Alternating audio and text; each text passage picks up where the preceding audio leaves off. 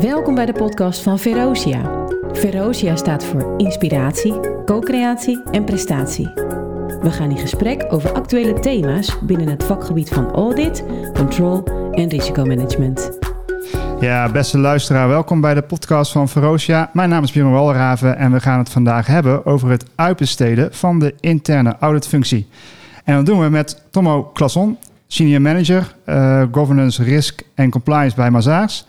En lid van uh, twee besturen, Tomo, van het Instituut van Internal Auditors Nederland, maar ook van de Stichting Verenigde Operational Auditors. Van harte welkom. Björn, dankjewel voor de uitnodiging. Ja, graag gedaan. Uh, we zijn blij dat je er uh, bent. Uh, we gaan het hebben over, over, in, over het uitbesteden van de interne auditfunctie.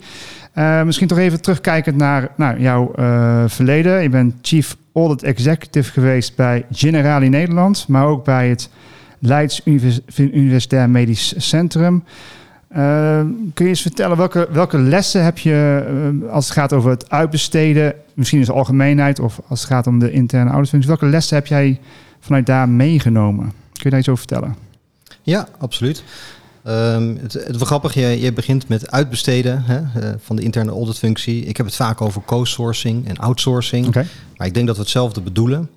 Um, en de lessen, ja, uh, wij kennen elkaar al wat langer. Ik zit nu zo'n 16 jaar in het audit uh, vakgebied. Um, en de eerste 13 jaar daarvan was ik zelf interne auditor. Intern bij een interne auditfunctie van een bedrijf. Um, en vanuit die uh, hoedanigheid heb ik meerdere keren ook externen mogen inhuren. vanwege allerlei verschillende redenen. En daar komen we ongetwijfeld later in het Mhm. gesprek ook op terug. Um, en wat ik eigenlijk heb geleerd is, ik ben 2,5 jaar geleden bij Mazaar begonnen. En bij Mazaar, um, ja, een externe dienstverlener. Waar wij dus dit soort diensten aanbieden dan zit je opeens aan de andere kant van de tafel en dan realiseer je je toch wel vrij snel dat een aantal zorgen die je had als je zelf verantwoordelijk bent voor zo'n interne auditfunctie, dat dat eigenlijk niet zo nodig is. Um, bijvoorbeeld de kosten. Ja. Bijvoorbeeld kom je nog wel van die mensen af. Want ik kan me dat voorstellen, Tom, dat, dat, dat, dat, een, dat iemand die met de gedachte speelt om, en we gaan zo meteen nog eventjes de definitie doornemen met elkaar, ja. maar nou ja, daarvoor op vooruitlopend dan, uh, dat je als, als chief audit executive denkt, nou ik heb capaciteit nodig, maar dat, dat inhuren van die mensen of het misschien als organisatie überhaupt uitbesteden van zo'n functie, ja, dat gaat natuurlijk bakken met geld kosten. Ja, ja ik denk toch dat het goed is om net even één stapje hoger te kijken naar het hogere doel. En dat is de toegevoegde waarde. Welke toegevoegde waarde kun je leveren uh, als interne auditfunctie? En als het jou niet lukt om de juiste competenties bijeen te brengen zelf in huis. Um, ja, dan moet je je echt afvragen of je wel aan een audit engagement moet beginnen. Mm -hmm. uh, want um, vaak is het resultaat dan toch niet uh, wat het management wil. Um, en um, dan is het vaak beter om een externe partij in te huren. Um, en dat kan iedereen zijn. Ja. Maar een subject matter expert, mensen die gewoon vaker dit soort engagements hebben gedaan, is vaak toch een garantie voor uh, ja, dus, dus. Zou je kunnen zeggen, uh, destijds in, jouw in jouw tijd uh, bij Generali en bij het uh, Leids UMC, waren jouw zorgen om wat betreft de kosten, die waren nou, misschien wat onterecht. Kan je dat zo zeggen? Nou, het, het, is, het is niet dat het niet legitiem is, maar ik heb zelf nu ervaren dat het. Kijk, kwaliteit staat boven alles. Als je een goed resultaat hebt, als je de gewenste uitkomsten hebt, als de klant tevreden is. En met klant bedoel ik dan in dit geval hè, de management board of de raad van, toe, de raad van bestuur of het college van een bestuur als het gaat om een universiteit bijvoorbeeld in Nederland. Als die gewoon echt tevreden zijn, dan mag het vaak wel ietsje meer kosten, als dat al het geval is. -hmm. Oké. En uh, in het begin van, van ons gesprek corrigeerde je mij een beetje. En dat mag natuurlijk. ik, ik introduceerde het onderwerp uitbesteden van de internal audit functie. Jij, jij spreekt over co-sourcing en outsourcing.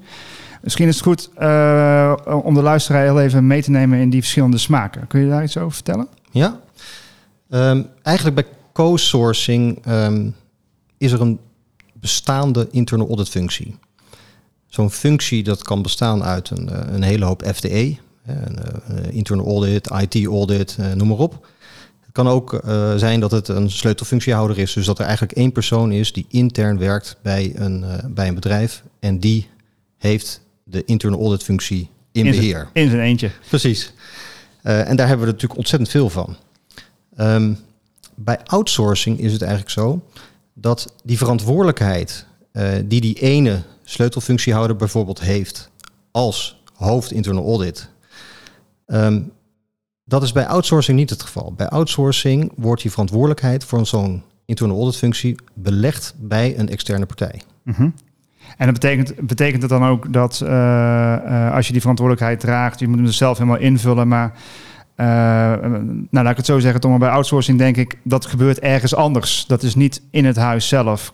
Klopt dat beeld? Of, of, of gaan jullie ook naar de, naar de locatie van de klant toe? Ja. ja, dat is een mooi bruggetje. Um, wat wij, uh, maar goed, dat, ik, dat is niet iets typisch voor Mazaar. Dat, dat zullen heel veel dienstverleners proberen te doen. Dat is um, als interne auditfunctie is het ontzettend belangrijk om te weten wat er speelt op de werkvloer. Die onderstroom, dat is iets wat je moet begrijpen, wat je moet voelen om je werk goed te kunnen doen. Het klassieke voorbeeld ook van de nadelen van het uitbesteden is natuurlijk dat je die feeling niet meer hebt. Ja. Um, dus wat wij proberen te doen is echt intern zijn bij het bedrijf. En dat gaat ver. Dat betekent ook dat wij vragen of wij een intern e-mailadres mogen hebben. Ja. Onze handtekening onderaan uh, elke e-mail, dat is in principe uh, van het bedrijf. Hè? Dus op die manier proberen wij uh, echt intern te zijn. Oké, en dat betekent ook dat je op locatie dus werkt, of vaak werkt. Ja, even los, los van, de corona. Ja, ja, ja. ja, ja. Oké. Okay. Um, um, nou, verplaats ik me weer even in die situatie. jij als, als chief old executive in het verleden. Als je nou jezelf zou moeten adviseren over het al dan niet co-sourcen of misschien wel zelfs outsourcen, nou in ieder geval co-sourcen in die situatie. Wat zou je nou tegen jezelf zeggen? Wat zijn nou de voordelen om daarvoor te kiezen? Kun je daar iets uh, over vertellen? Ja, nou, uh, het begint met de competenties ik heb zelf gemerkt, uh, een, aantal keer heb ik leiding mogen geven aan een internal audit functie. Het is ontzettend moeilijk om de juiste competenties altijd maar weer in huis te hebben. Het vakgebied is zo gespecialiseerd geraakt. Er zijn zoveel verschillende uh, onderwerpen waar je echt wel wat langer mee bezig moet zijn geweest om het echt te doorgronden. Data-analyse, maar ook bijvoorbeeld fraudeonderzoeken. Ik kan mezelf nog heel goed herinneren dat ik bij het LUMC ooit een keer uh, een vraag kreeg of ik een uh, fraudeonderzoek wilde doen. Ja. Uh, nou, heel eerlijk gezegd ging dat heel snel, heel diep en werd het heel ingewikkeld. Ja. Ik ben nu nog steeds blij dat ik toen vrij snel heb gezegd, daar moeten we een externe partij voor inhuren, ja. want anders gaat het niet goed. Fraude is denk ik een heel bekend voorbeeld hierin, mm -hmm. maar het gaat veel verder. Met nou, IT-systemen. Je, je, komt er gewoon niet meer als je verstand hebt van general IT controls. je moet gewoon vaak echt diepe kennis hebben van de verschillende softwarepakketten die op dat moment bij die bedrijven spelen. Ja, ja precies. Dus dat, dat zijn twee voorbeelden. Misschien ook data-analyse dat dat uh, een vlucht aan het krijgen is. Dus dat hoor ik heel veel. Dat, uh, dat, uh, dat big data, process mining en dat soort zaken. Ja. Dat een specialistische ja, kennis. Wat, wat wij veel zien is dat data mining, heel veel mensen begrijpen het wel, weten wel wat ze moeten doen. Mm -hmm. Maar om het snel en efficiënt, om resultaten boven tafel te krijgen, ja, dan heb je eigenlijk mensen nodig die gewoon helemaal bekend zijn met de tools die daar dagelijks mee werken, die dingen heel makkelijk kunnen inladen uh, en, en, en, en, en, mooie dashboards kunnen genereren. Ja. Dat moet je eigenlijk niet elke keer van scratch uh, moeten ontwikkelen. Nou, ik kan me voorstellen dat een grote auditdienst, uh, zoals die bijvoorbeeld bij de banken, dat die daar capaciteit voor vrij kunnen maken en tegen iemand kunnen zeggen van ga jij hierin verdiepen en ga ons helpen op dit onderwerp. Maar ja, als je één pitter bent ja, en, je, en je moet process mining, mining en data mining en die specifieke IT-systemen dan ja, dat is natuurlijk voor één persoon of voor enkele personen niet meer te doen. Ja.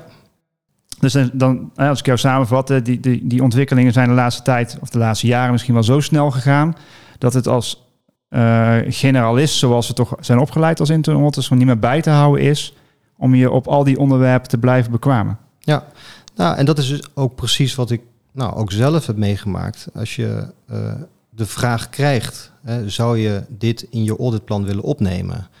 Of er komt een spoedverzoek vanuit de management board om een bepaalde audit engagement aan te gaan. Um, het is eigenlijk vragen om problemen om een generalist te vragen om een hele specifieke audit uit te voeren waar hele specifieke informatie, kennis uh, bij nodig is. -hmm. En jullie hebben die kennis in huis, dus jullie kunnen dan, uh, uh, stel ik me zo voor, putten uit verschillende competenties. Maar hoe werkt het dan, uh, Tom ook? is dat dan klantspecifiek of hebben jullie, werken jullie met vaste teams? Kun je daar misschien zo over vertellen? Ja, ik wil ook niet de, suggestie wekken dat wij overal verstand van hebben. Hè? Zo gaat het ook niet. Maar, nou, maar in dit geval, Mazar is een, is een groot bedrijf. Er werken meer dan 40.000 mensen wereldwijd. in meer dan 90 landen. De, de, bekende service lines, die zijn er.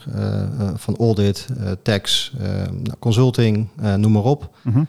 um, het team waar ik werk is heel klein. De, de Mazar GRCS is een team van 11 man. Uh, gelukkig uh, hebben wij wel GRCS-teams in de andere landen. Um, maar wij moeten ook de hulp inschakelen van de andere service lines uh, als dat nodig is. Als wij zien dat bij onze klanten bepaalde expertise nodig is, dan huren wij die ja. intern in.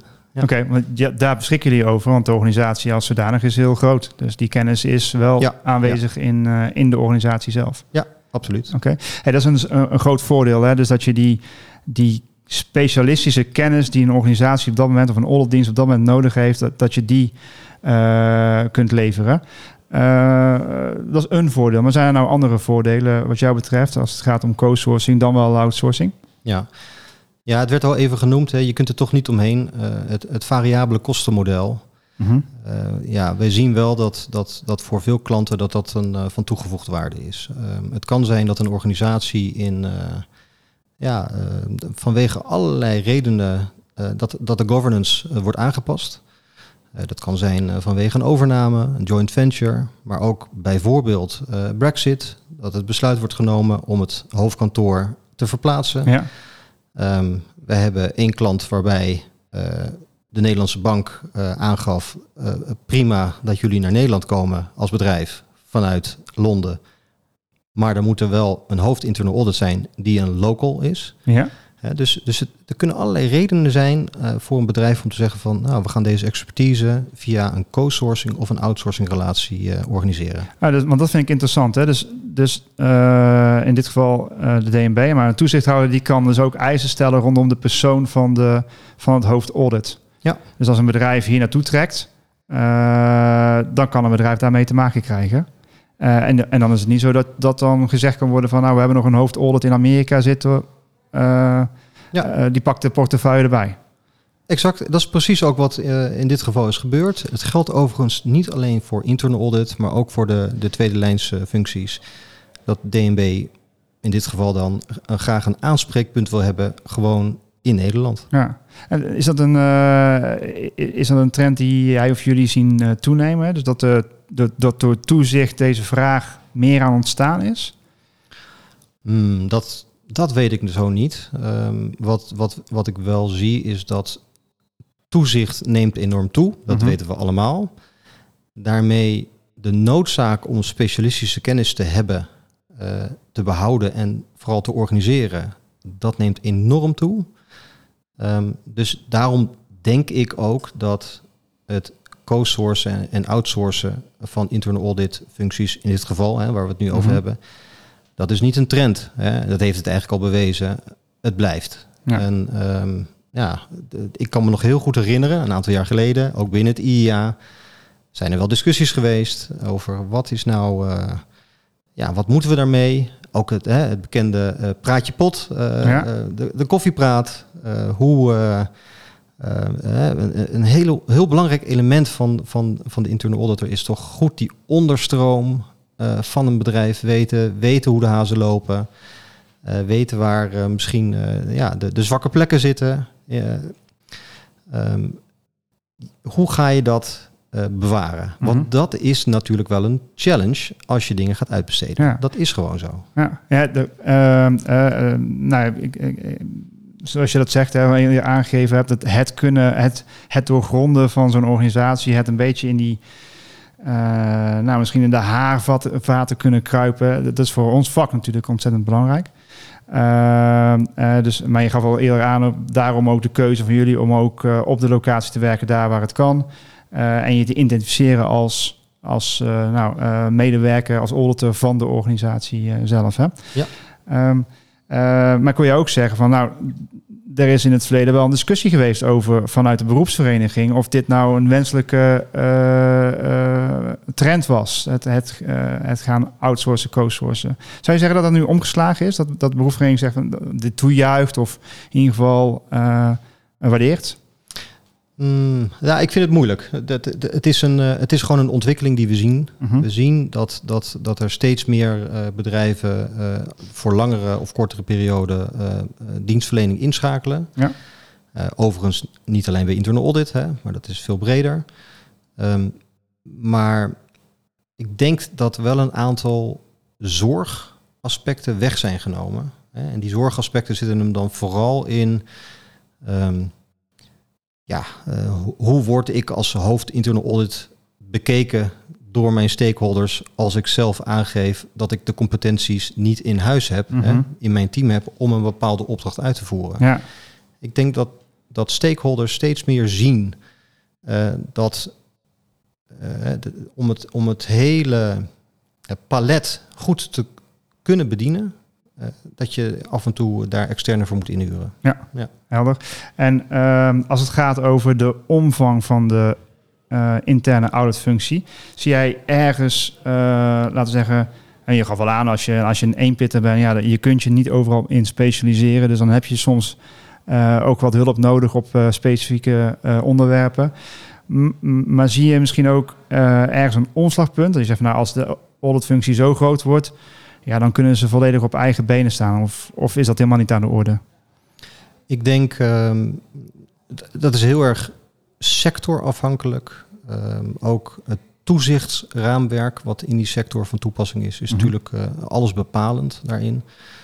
Ehm, maar ik denk dat je dat over het algemeen kun je wel zeggen dat, dat het steeds meer een uitdaging zal worden om, om de competenties in huis te hebben en te houden. Ja, ja dus uh, ongeacht hoe groot een, uh, een internal audit functie uh, is, is het een toenemende behoefte ja. die, die je ja. ziet. Oké. Okay. Ehm, en je noemde, nou, een van de nadelen was, was natuurlijk, die al eerder noemde, het, het contact houden met de organisatie. Nou, waarvan we hebben we al eerder geconstateerd hè, dat, hoe jullie dat oplossen. Ehm, en toch even over die prijs dan. Ja. Um, uh, want je gaf in het begin aan van ja, uh, en ik, en ik uh, parafraseer je enorm nu, maar zoals, ik, zoals het op mij neerkwam, is van ja, als je, als, je, als je dit doet, betaal je natuurlijk voor, maar dan krijg je ook die additionele zekerheid waar je als bestuurder of lid van de Raad van Commissaris ook behoefte aan hebt. terwijl als je dat niet doet, Ehm, eh, ja, dan krijg je misschien juist niet die additionele zekerheid. Betaal je natuurlijk wel steeds voor die auditors die daar uh, rondlopen. Dus, uh, ja. Vat ik dat zo goed samen? Ja, kijk, ik geloof zelf heel erg in maatwerk. Mhm. Goed begrijpen, wat is nou echt nodig om te doen? Um, en um, dat moet echt het uitgangspunt zijn. En niet, en dat zie je wel eens, dat er wordt gekeken, wat kunnen we eigenlijk Waar, zijn we goed in binnen die internal audit functie? Waar hebben we ervaring mee? Welke audits hebben we als eerder uitgevoerd? Uh, hè, welke onderwerpen? Nou, uh, we, weten waar we moeten beginnen. Ja. Maar ja, daar gaat het natuurlijk niet om. Dus, het eh, gaat er niet om dat die auditfunctie weet wat hij moet doen. Het gaat erom dat ze de goede dingen doen. Ja, dus niet elk jaar dezelfde onderzoeken met dezelfde uitkomsten. Maar kijken waar echt behoefte ligt vanuit het bestuur, misschien de auditcommissie. en, en die vragen beantwoorden waar mensen echt wakker van liggen. Absoluut. En, en, en zo, die auditcommissie die weet, die weet donders goed uh, wat hun vraagstukken zijn. Uh, dus, dus um, en, en, en als je gewoon eerlijk aangeeft, we hebben al een aantal jaar geen audit uitgevoerd op dit onderwerp. Onze kennis is niet helemaal wat het moet zijn.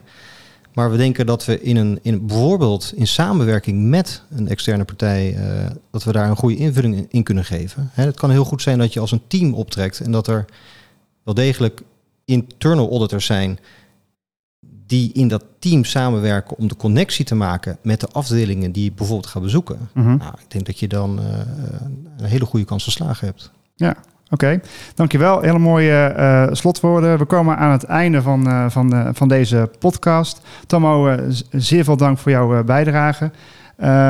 ben je nou ook benieuwd naar de overige podcast van Verosia? Beluister ze dan zeker op www.verosia.nl slash podcast of via je favoriete podcast app. Voor nu, heel veel dank voor het luisteren en graag tot ziens tot een volgende podcast van you.